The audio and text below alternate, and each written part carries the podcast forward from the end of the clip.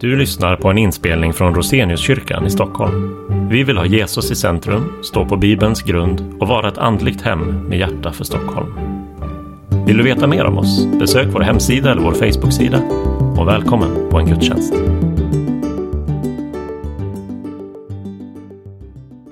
Eh, vi ska tala om bönens plats i den kristna gemenskapen. Och där är det ju en utmaning när man då har man blivit bekant med den egna bönekammaren, har jag blivit eh, hyfsat eh, hemmavan vid den, så kommer jag till ett sammanhang och så möter jag andra typer. Och jag tänker att vi alla har varit med om det när vi har bett tillsammans med andra. Att vi skaver mot varandras olikheter. Eh, vi eh, frestar kanske på varandras sätt att uttrycka sig i bön. Eh, det finns alltid de som man kanske tycker ber för mycket eller ber för lite eller ber för högt eller för tyst. Eh, jag vet i en kristen skolgrupp en gång en som blev jätteirriterad på en som ständigt ville avsluta bönen som den upplevde. För det var då en från Svenska kyrkan som bad med en pingstvän som sa amen till det som den höll med om. Och den svenska kyrkan såg det som en slutbön och sa sen efter ett tag Det känns som att du inte du vill alltid att det ska bli så kort. För jag kan säga så här, tack Gud och så säger du amen. Eh, och där tror jag att vi har haft både de komiska situationerna och frustrerande där vi har kommit från olika bakgrunder och har mötts. Och där tänker jag att en bild som kanske kan vara till hjälp för någon är om man då är i en större katedral, kanske domkyrkan i Uppsala.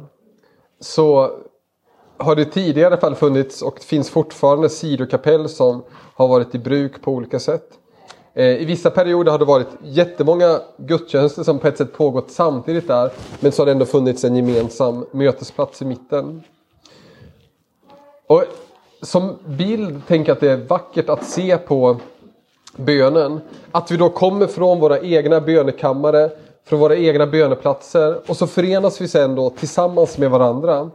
Och när vi gör det så behöver vi hitta en generositet som gör att vi kan känna glädje tillsammans men också en ödmjukhet som gör att vi kan låta varandras olikheter få plats.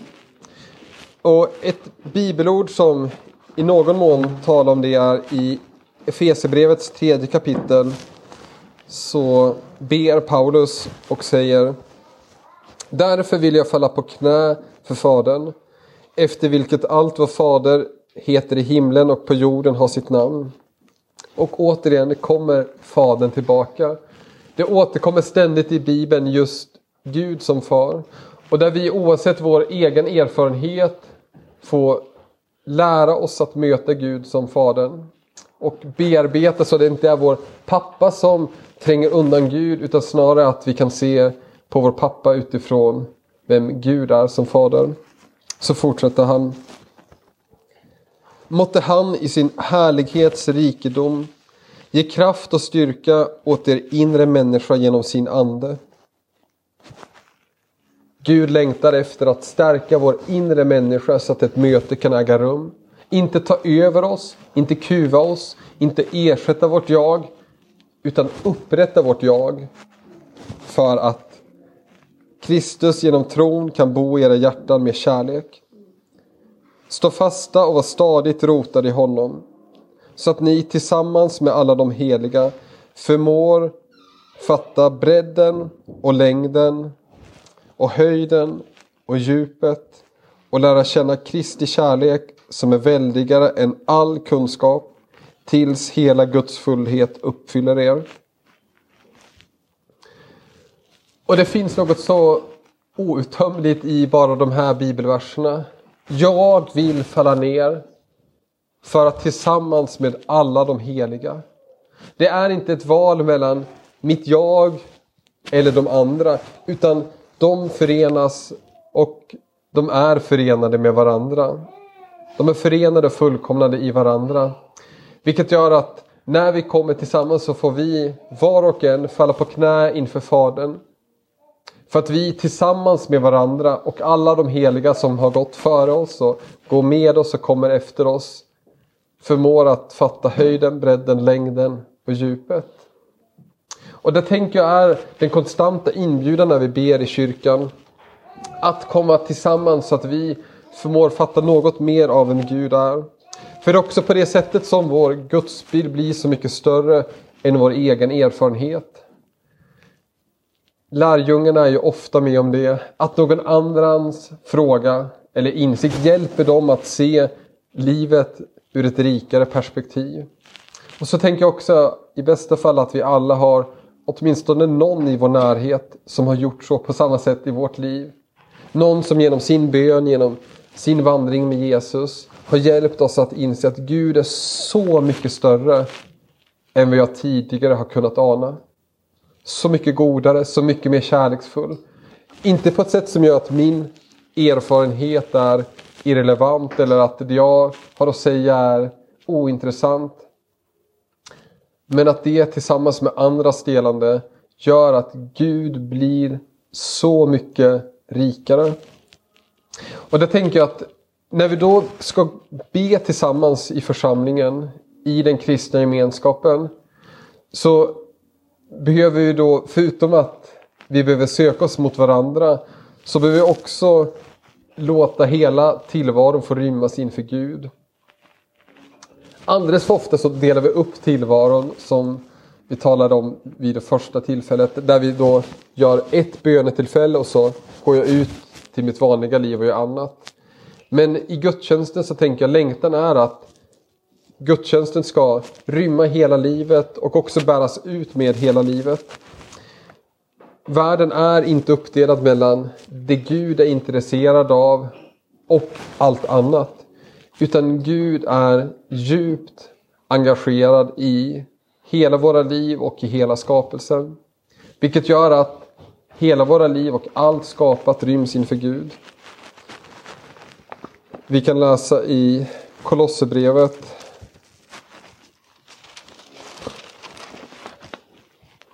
i kapitel 1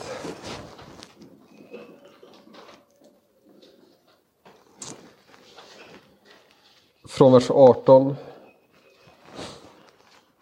Han som är huvudet för kroppen, för kyrkan. Han som är begynnelsen förstfödd från de döda till att över, överallt vara den främste. Till Gud beslöt att låta all fullhet bo i honom och genom hans blod på korset stifta fred och försona allt med sig. Genom honom och till honom allt på jorden och allt i himlen. Och ni som förut stod utanför och visade ert fientliga sinnelag i era onda gärningar. Också er har nu försonats med sig genom att Kristus led döden med sin jordiska kropp. Jesus är huvudet. Jesus är i centrum. Vi bjuds in att komma dit. Och Jesus försonar allt, allt, allt, allt med sig. Också oss människor. Och därför så när vi kommer i den gemensamma bönen i kyrkan, i den kristna gemenskapen, så är det också en längtan om att låta Kristus få vara i centrum. Men också en längtan om att bära fram allt det som är oförsonat. Allt det som är splittrat, allt det som är sjukt, allt det som behöver upprättas och helas. Att lyfta fram det och säga Gud, låt ditt rike komma. Låt din vilja ske. Och när vi då ber tillsammans i kyrkan så brukar vi i kyrkans förbön så finns det den här gemensamma eller allmänna förbönen som ser olika ut ifrån vilka traditioner vi kommer ifrån och vilka sammanhang som vi tillhör. Men det brukar finnas någon slags struktur av världen, kyrkan, det närmre och sen kanske det egna. Och när vi ber tillsammans så tror jag att det är en god ordning att just börja i världen. Att inse att Gud är brydd om hela tillvaron. Får vi börja med våra privata spörsmål så finns det en risk att Gud blir väldigt begränsad. Att vi mest tänker att Gud är den som ska hjälpa mig att eh, få det jag längtar efter. Och det behöver inte vara något fel på längtan. Men när vi börjar i ett större perspektiv inser jag att Gud är hela skapelsens Gud. Och min Gud. Men Gud är brydd om vad som händer i krig och konflikter. Både de som finns kanske i mitt hjärta men också de som finns i vår värld. Och där har ju kyrkan alltid frestats att hamna i någon ytterlighet. Vi ska bara kort läsa ifrån Jeremia. I kapitel 29. Från vers 7. Så säger Herren Sebot, Israels Gud, till alla de deporterade som han har fört bort från Jerusalem till Babylonien. Bygg er hus och bo i dem, plantera trädgårdar och ät frukterna från dem. Ta er hustrur och avla söner och döttrar. Ta hustrur åt era söner och era döttrar åt män. Så att de föder söner och döttrar, blir fler där, inte färre. Gör allt för att den stad jag deporterat er till ska blomstra. Och be till Herren för den. Det finns mycket att säga om det här bibelordet som om andra. Men just att be för den stad som vi befinner oss i. Eh, ibland kanske känslan också är att vi är deporterade, att vi lever i främlingskap inför mycket av den omgivande kultur som finns i vårt närområde. Men att uppmaningen kommer, be för staden. Att inte anpassa sig efter staden och bli ett med staden. Men inte heller bli ett andligt getto där vi kristna drar oss undan från allt annat i tillvaron och har det trevligt tillsammans. Utan verka för stans bästa, vilket är Guds rikes vilja. Och därför så är vi kallade att be för staden. Och när vi ber för staden så är ju övningen att be klarsynt. Att faktiskt försöka sätta ord på de makter och krafter som finns i samhället. Och det kan ju vara svårt ibland i vår tid. Men genom hela kyrkans historia har det alltid funnits de krafter och makter som kyrkan har pekat ut som de destruktiva i vår tid. Och där vi ibland kanske skulle vara mer frimodiga att våga tala om dem. Bara en sån kraft tänker jag är den ständiga uppkopplingen som på olika sätt splittrar oss. Och som ofta förvärrar synden i vårt eget liv av jämförelse eller av annat onyttigt. Och att då våga prata om det och också be kring det. Och att försöka be klarsynt. Att inte bara uttrycka sig svävande utan be med öppna ögon. Och för att vi ska kunna göra det så måste vi också stå i närheten av de människor som lider och är i nöd. Det är när jag lyssnar till människor som bor i utanförskap, i ensamhet, som lever med psykisk ohälsa, som brottas med ofrivillig barnlöshet, eh, som är flyktingar, vad det nu är. Det är när deras liv också får plats i mitt som bönen enklare kommer från mitt hjärta. Den som har samtalet med någon som har förlorat någon i en sjukdom vet att sorgen ofta kommer närmre. Om hjärtat inte blivit hårt så kommer sorgen närmare och jag gråter den andras tårar. Inte på ett sätt att jag tar över, men att jag ändå känner delaktighet i det. Och där tänker jag att vi som kristna kallar det att känna ett medlidande med vår värld. Med flyktingar, med allt det elände som finns. Att inte fly det utan faktiskt ställa oss där och be att Guds ljus ska bryta in också på de tillvaron, eller i de delarna av världen. Sen brukar vi också be för kyrkan när vi ber den gemensamma kyrkans förbön.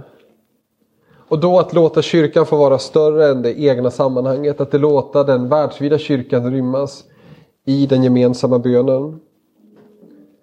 Och där tänker jag att Romarbrevets tolfte kapitel kanske kan vara till vägledning för oss.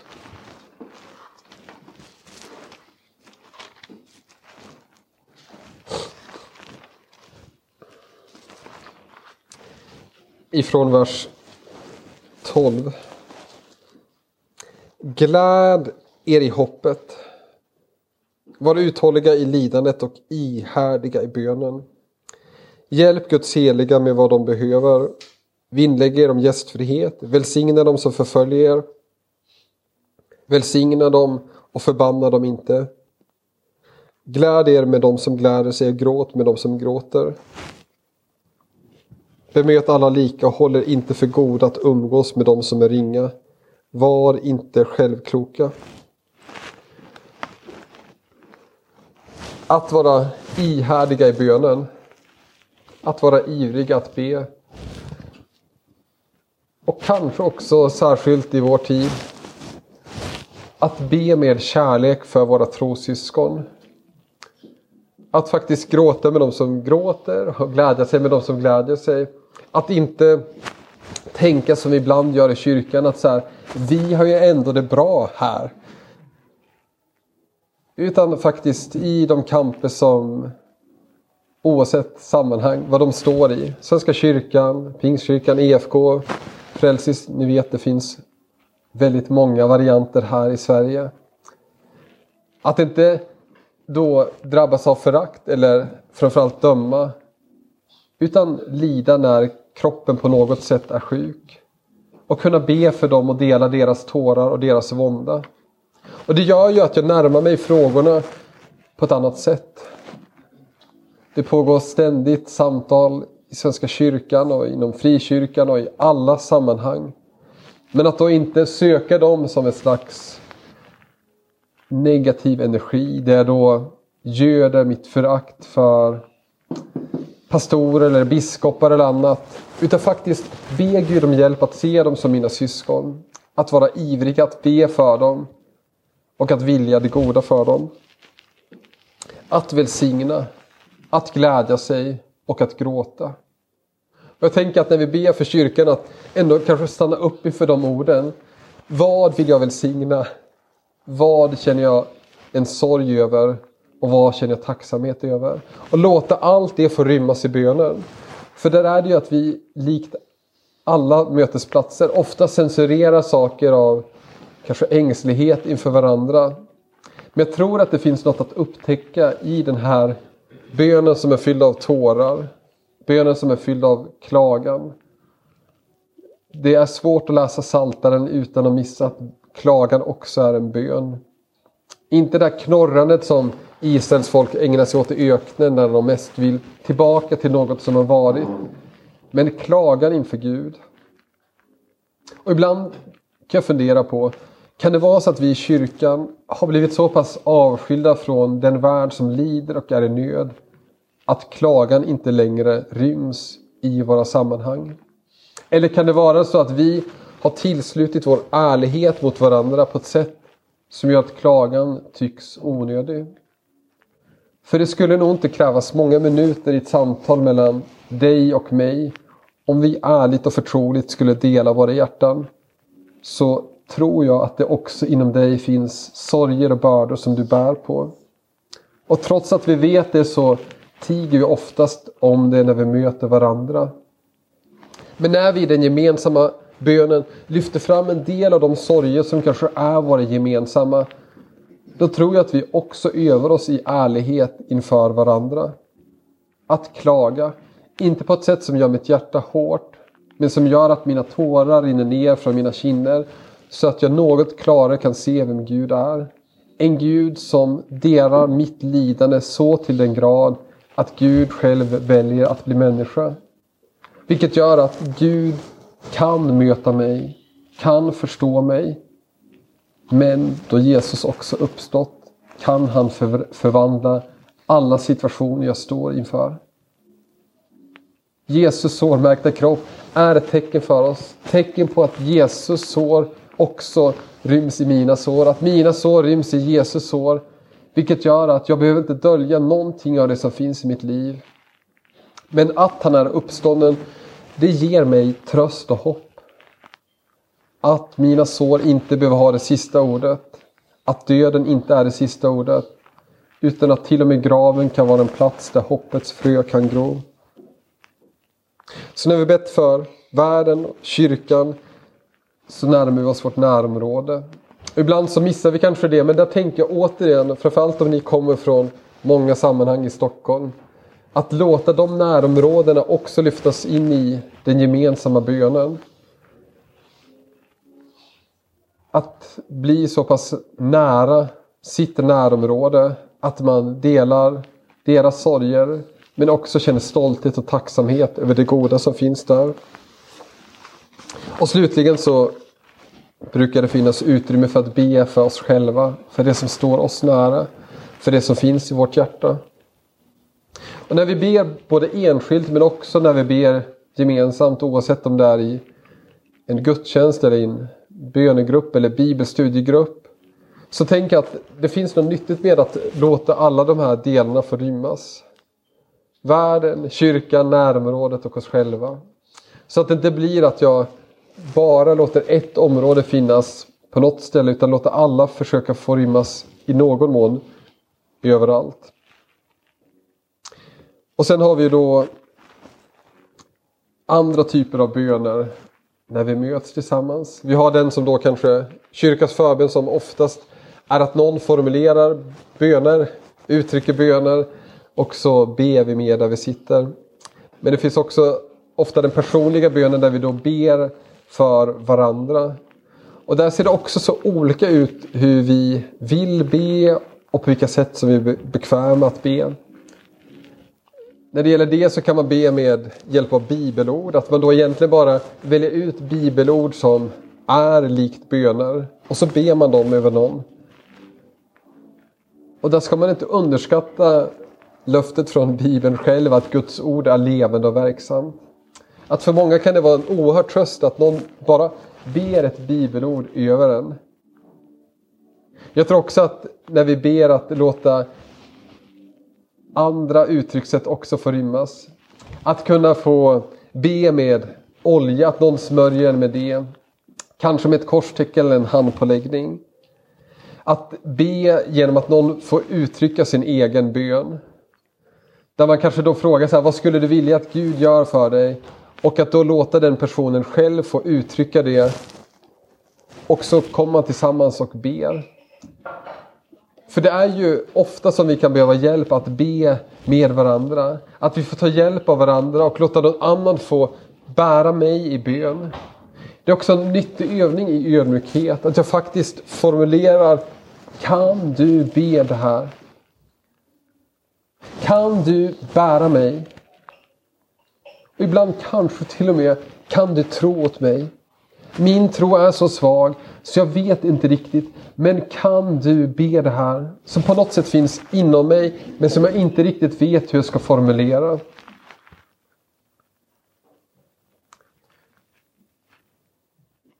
Och jag tror att när vi ber för varandra så tror jag att det är ständigt nyttigt att påminna sig om att be med respekt. Bara en sån enkel eller svår sak som att lägga handen på någon.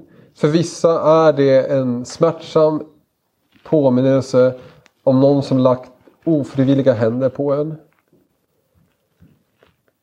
Att då fråga om man känner sig själv bekväm att lägga handen så är det okej okay att lägga en hand. Att då när man ber att inte då använda bönetillfället som ett sätt att predika för den andra. Vi klär någon slags subtil kritik i böneord vilket jag vet att en del sammanhang haft svårt med. Att man då nästan har en teologisk debatt i bönen. Och ibland kan vi göra det mot någon som vi kanske har svårt för. Någon som vi tycker är girig. Gud, vi ber om generositet. Och så blir det en slags recension av den andra. Men att visa så pass mycket respekt när vi möter varandra. Och att sen att överlämna ansvaret till Gud.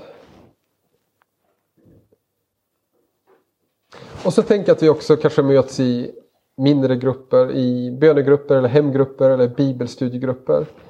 Och att även där låta bönen få rymmas. Att eh, låta olikheterna få rymmas. Att samtala om det som skaver. Det finns alltid de som vill att man ber mer och de som vill att man kanske ber tillräckligt redan. Och att låta det få vara ett samtal där man möts som syskon. Så här, hur kan vi låta bönen, den talade bönen, den tysta bönen, den kroppsliga bönen få rymmas i våra sammanhang? Och där kanske man kan återigen använda sig av det här de erfarna har hälsat till kyrkan. Att be som du kan, inte som du inte kan. Att då i en sån grupp också tänka, ja men vi ber som vi kan. Inte som vi inte kan, utan här ber vi på det här sättet. Och det är tillräckligt eh, generöst för att vi alla ska rymmas. Och tillräckligt skarpt för att vi alla på något sätt ska kunna utmanas. Och sen, hur gör man då om man sitter i en bibelstudiegrupp och vill börja be för varandra? Ja, men ett exempel är att man då går en runda och delar bönämnen. Man kanske skriver i en bok. Man kanske delar upp sig och ber i mindre grupper. Och att man får hitta en väg framåt. Men ett sätt som kan vara värt att prova ibland, i alla fall i en ordtrött generation, är att låta bönen få ske i tystnad. Det kan vara ett av bönesätten man har. Att man gör något så pass enkelt men också välsignat som att man tänder ett ljus och tänker att den som ljuset är hos honom eller henne ber vi för. Tyst. Jag behöver inte anstränga mig och försöka formulera mig vackrare än någon annan. Utan jag kan be det som finns i mitt hjärta för den personen. Och så flyttas ljuset runt till nästa person och så till nästa. Men att hitta de sätt som är till rikedom och glädje för gemenskapen. Och i allt det här, när vi talar om bön, så kan man nästan glömma bort att ställa den mest självklara frågan. Att varför ber vi egentligen? Vad är det som gör att vi egentligen ber? Det kan tyckas så självklart att vi missar den första frågan och ställer den egentligen i slutet. För det är ju, längtan är ju oftast att vi kanske ska se ett visst resultat. Det är ofta det vi nog frestas att vilja göra. Eh, jag ber för en sjuk person för att jag vill att han eller hon ska bli frisk. Jag ber för en situation för jag vill att Gud ska gripa in. Och så är jag med om det ofattbart. Det är så otroligt sorgliga att en jag älskar dör ifrån mig. Någon som jag bett för dör i sin sjukdom. Och så är det som att hela tillvaron gungar till. Varför ska jag be Gud? Det kanske räcker med det egna hjärtat om synder som du kämpar med. Att man dagligen kanske ber Gud hjälp mig i den här kampen. Men så är det som att Gud inte riktigt upplevs svara på det. Så varför ska vi be? Jag tänker att i Apostlagärningarnas tolfte kapitel så får vi ett svar.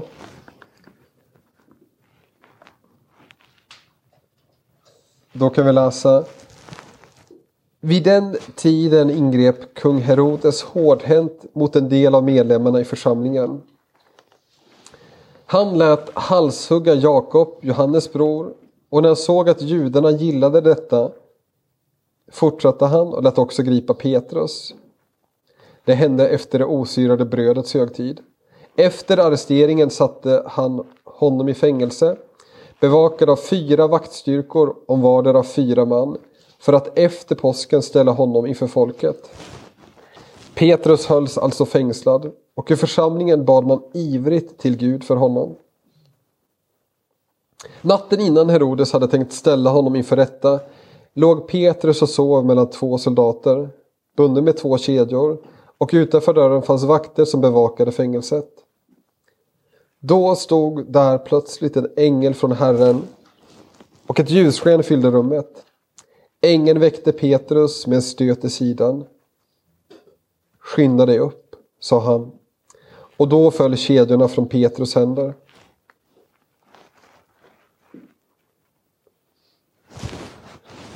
En lärjunge halshuggs. En blir befriad från sitt fängelse. Och det är ofta i den spänningen vi lever. Varför en dör och den andra överlever, det får vi inget svar på.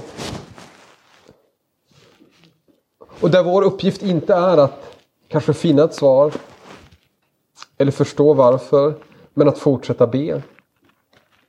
Likt annat i tillvaron så gör vi det Inte för att Gud garanterat oss ett visst resultat utan för att vi är kristna.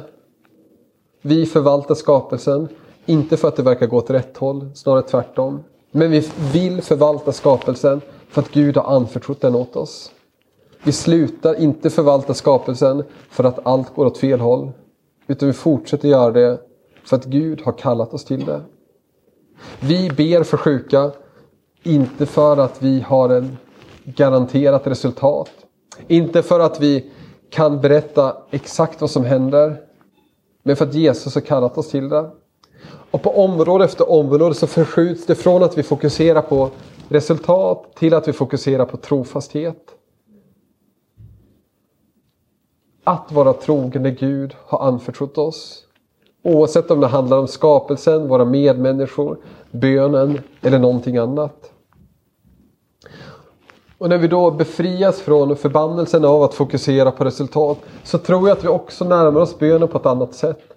Att vi inte kommer till Gud och så räknar vi ut procentuellt sett ungefär hur mycket bönesvar fick jag. Utan snarare, det här är en möjlighet att be. Vilket gör att när jag ber för en sjuk kan jag komma inför Gud och jag kan be med hela mitt hjärta, med hela min längtan, med all min kraft, allt mitt förstånd. Att den personen ska få bli frisk.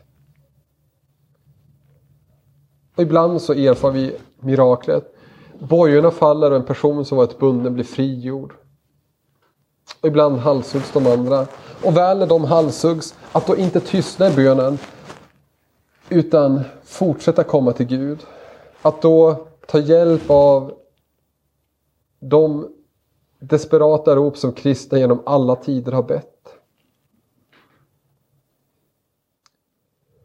Och där tänker jag att när lärjungarna är med Jesus så är det vid ett tillfälle som en stor folkskara bryter upp från Jesus och så frågar Jesus om de också ska lämna honom. Och då säger Jesus, Herre till vem skulle vi gå? Och jag tänker att det kanske är det som är det kristna svaret på en del av de här frågorna. Att vi fortsätter gå till Jesus för att det är hos honom som vårt hopp finns. Att vi fortsätter komma till Jesus för att det är han som är vår räddning. Vi fortsätter komma till Jesus med våra tårar, med våra uteblivna bönesvar, med våra sorger, med våra kamper, med våra synder. Och med den stora längtan om att Jesu löfte är sant. Att det kommer en dag när alla tårar ska torkas från våra kinder. Det ska inte finnas någon sorg, ingen död, ingen klagan. Det som en gång var är borta. Och Gud bor hos oss fullt ut. Den dagen så får alla våra böner, de böner vi bett i vår bönekammare, de vi bett i våra hemgrupper, de böner vi har bett med andra, alla får sitt stora ja i Jesus. Och fram tills den dagen är idag så tänker jag att vår uppgift som kristna är att fortsätta be. Att fortsätta be med varandra, för varandra. Att fortsätta be för det som finns nära oss, i vårt hjärta och också i hela vår värld. Och att också när helvetets avgrund öppnas i våra liv eller i världen. Att be med Jesus. När han på korset ber Min Gud, min Gud, varför har du övergivit mig? Så sätter han ord på den bottenlösa erfarenheten av att ateismens avgrund öppnas i vårt inre. Allt tycks falla. Men så fortsätter han. I dina händer, Herre Gud, lämnar jag nu min ande. Och jag tänker att båda de bönerna ryms i vårt hjärta och i församlingens liv. Att be Min Gud, min Gud, varför har du övergivit mig? Och samtidigt överlämna sitt liv, sin ande, sin kyrka, ja, hela världen och allt annat skapat till Gud. Så låt oss avsluta med att be tillsammans. Sen så får ni gärna ställa frågor om ni vill.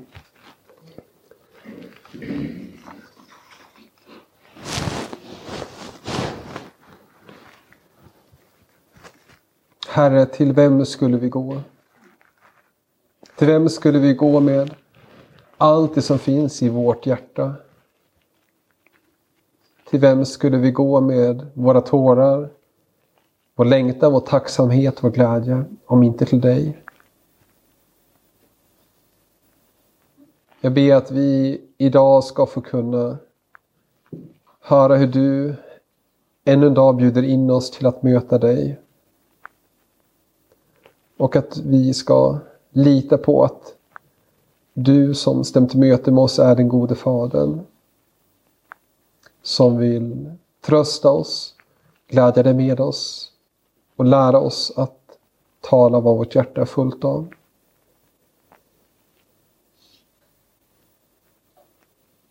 Låt oss också få nåden att erfara att allt vi gör och allt vi är blir en bön.